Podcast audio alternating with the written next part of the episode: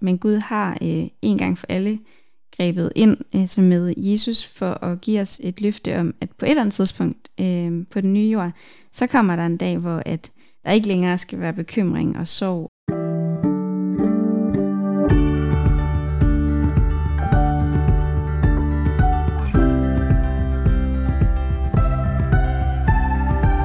Velkommen til podcasten Bible Break. Mit navn er Nikolaj, og jeg er vært for podcasten. Og i dag sidder jeg over for Christina Eskilsen. Velkommen til, Christina. Tak. Vi skal øh, tale om salme 13, som kaldes for en individuel klagesalme. Og øh, vi har tidligere gennemgået salme 12, som var en, en sådan mere offentlig klagesalme, men nu er vi så nået til salme 13, som er en individuel klagesalme. Og jeg vil starte med at læse teksten. For korlederen salme af David – hvor længe vil du dog glemme mig, Herre? Hvor længe vil du skjule dit ansigt for mig? Hvor længe skal jeg være bekymret i sindet og dagligt have sorg i mit hjerte? Hvor længe skal min fjende triumfere over mig? Se mig, svar mig, Herre min Gud. Giv mine øjne lys, så jeg ikke sover ind i døden, og min fjende siger, jeg har fået magt over ham, og mine uvenner jubler, fordi jeg vakler. Men jeg stoler på din trofasthed. Mit hjerte skal juble over din frelse. Jeg vil synge for Herren, for han har handlet vel imod mig. Jeg har lyst til at starte med at spørge dig, Christina, hvad betyder det, det her i vers 2 med at være glemt af Gud? Altså, hvor længe vil du dog glemme mig, herre, siger David. Ja, jeg tænker, at man kan virkelig mærke um, smerten i det. Jeg ved ikke, uh, om hvis man selv kan tænke på en situation, hvor man måske har prøvet at blive glemt. Øh, jeg tror, da jeg prøvede, da jeg var teenager, at der var en, der havde glemt at invitere mig til sin øh, fødselsdag, og det var da mega uh, trist ikke at være, altså at nogen havde glemt en. Og så tænker jeg jo, prøv at tænke, at føle sig glemt af Gud, Gud som jo altså, siger, at han husker alle mennesker, og så føler man bare, jamen Gud, har du glemt mig? Jeg tænker virkelig, at man kan mærke uh, Davids smerte her over, at ja, Gud, har du glemt mig? Skylder du dit ansigt for mig? Og skal jeg gå med den her bekymring og sorg i mit hjerte? Ja, det tænker jeg virkelig, øh, altså der sætter han virkelig øh, ord på øh, nogle meget smertefulde følelser. Ja, og vi har også tidligere talt om det her med gerne at vil blive set mm. øh, af Gud. Og, mm. og, og der siger David jo præcis det modsatte af at blive set. Altså, hvor længe vil du skjule dit ansigt for mig? Ja. Øh, som jeg tror igen er en, en henvisning til den agnitiske velsignelse med, at, at Herren løfter sit åsyn mod os. Øh, og her udtrykker David meget tydeligt, at han oplever, at, at Guds ansigt er skjult for ham. Mm. Altså han bliver ikke set. Ja, og altså det tror jeg i hvert fald, øhm, den her følelse var noget, jeg godt kunne genkende ind i mit eget liv. Øh, jeg havde et langt tidspunkt, hvor jeg virkelig følte, at Gud han bare var enormt langt væk, og prøvede at skrive nogle bønder ned, eller prøvede at bede, og jeg havde bare sådan en oplevelse af, at den her bøn, den, den når ikke øh, længere end, ind til loftet, og øh, det, altså, det kan virkelig være øh, tungt at gå med. Og øh, der synes jeg jo også, den her salme, der gør David ligesom to ting i den her salme, som jeg tror, vi kan lære noget af. Øhm, han, han går til Gud med den her klage, altså øh, der i vers 4, Se mig, svar mig, øh, Herren min Gud. Og så, og så stoler han på, at Gud han, han er der, også selvom han ikke kan se ham. Og øh, da, da jeg oplevede, at øh, jeg følte, at Gud han var rigtig langt væk, der synes jeg i hvert fald, at det var meget øh, befriende også at kunne få et andet menneske til at, øh, at bede for mig, og kunne, altså, kunne sige til Gud, jamen, jeg føler faktisk, at du er, er langt væk, og øh, at det ikke var en, ja, en smerte, man skulle, skulle gemme for Gud, men at man både kunne bruge en kristen bror eller søstre til at, at lægge det over til Gud. Og det altså kan være den måde, man ligesom kan vise Gud, at at man stoler på ham, selvom at det virkelig kan være svært, tænker jeg. Så du har sådan helt konkret faktisk brugt den her individuelle klagesalme som en individuel personlig klagesalme? Ja, præcis. Ja. ja.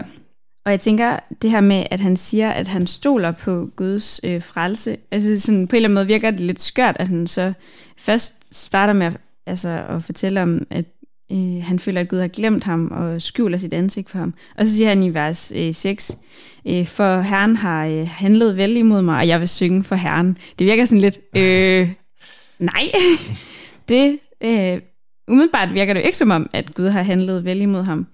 Men jeg tænker, det kan jo godt være, fordi at David også ser tilbage på sit liv og ser, at jamen, det var jo faktisk Gud, der øh, vandt kampen over Goliat for mig, og det var Gud, der øh, beskyttede mig mod Saul. Så han har måske en gang oplevet, at, at Gud han har befriet ham fra sine fjender.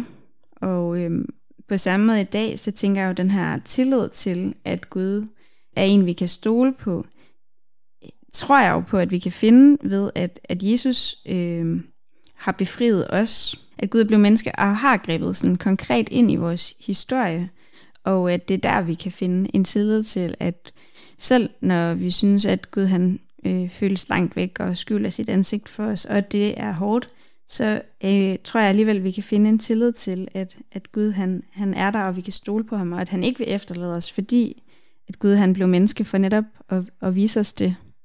Så du tænker sådan helt konkret, at det, at Gud selv blev menneske, og de her profetier, vi kan læse om i Gamle Testamente, med, mm. der vil komme en messias, og det er så Jesus messias, vi kan læse om i Nye Testamente, at sådan en, en konkret måde, vi kan holde fast på, eller stole på, øh, vidner, eller hvad mm. vi skal mm. kalde det, på, at Guds trofasthed står fast, så at sige.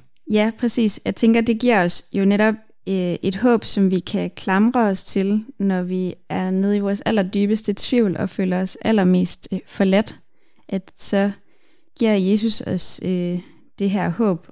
Og at jeg tænker jo ikke, vers 6 skal forstås som om, at når man synes, at øh, livet eller troen er svær, at man så bare skal sådan presse en eller anden øh, glæde frem, så man kan synge for Herren. Og, øh, men jeg tænker netop, at det, som David han gør her, er så godt og fint, fordi han, han anerkender ligesom, jamen, det her det er den oplevelse, den følelse, jeg har. Det er virkelig tungt og hårdt.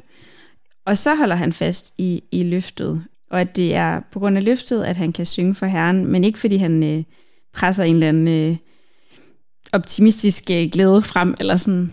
Og jeg synes også, det er, det er på en eller anden måde lidt befriende, at det er den, den rækkefølge, øh, mm. det sker i, så det er også en, et, et, jeg synes godt, man må spejle sig i den måde, David han gør det på. Mm. Helt konkret med, at han jo sådan bruger de her kraftige udtryk i vers 4 med, se mig, mm. svar mig, Herren, Herre min Gud. Hvor han jo både sådan konkret råber til Gud, må man sige, men han fastholder jo, eller bekender os samtidig også, at Herre min Gud, at der er nogen at råbe til, og han holder ja. fast i, at, at, at Gud er hans herre, så at sige. Øh, selvom han, han råber, og han skælder ud. Ja, det siger jo også noget om, at jeg tror, at Gud han, han møder os øh, der, hvor vi er, øh, med, med de følelser og med de oplevelser, som vi også kan have. Og at Gud møder ikke først David, når han, øhm, ja, når han føler, at Gud han er tæt på, eller øhm, når han øh, kan sige alle mulige øh, gode ting om at stole på Gud. Han, han møder David, altså i Davids øh, klage til Gud. Jeg læste et sted, at det havde jeg ikke lige selv lagt mærke til, men at Jesus på korset i, i Eva, en af evangelierne beder, salme 22 er det så, mm. øh, men he, hvor han siger, hele den hvide jord skal huske Herren og vende tilbage til Herren. Øh, så jeg synes også, altså David giver os et godt eksempel på, at selv i vores, vores fortvivlelse og vores øh, ensomhed måske, især fra Gud, øh, stoler på Herren, og det samme gjorde Jesus også. Altså han minder os lige om, at øh, det er virkelig Gud, vi skal stole på, når tingene de er svære. Ja, altså jeg tænker virkelig, at den her salme rummer enormt meget trøst, selvom øh, at det er en klagesalme. Og jeg kommer til at tænke på øh, den her, øh, jeg ved ikke om man har set øh, Disney-filmen Inderst Inde, men de her, øh, der, der følger man de her fem forskellige grundfølelser med glæde og tristhed og afsky og sådan, hvor at det er jo dejligt, når det er glæden, der fylder, mm. men det er, nogle gange så oplever man også bare noget, der kan være svært, og så har man faktisk brug for at blive mødt i, i tristheden eller i vreden.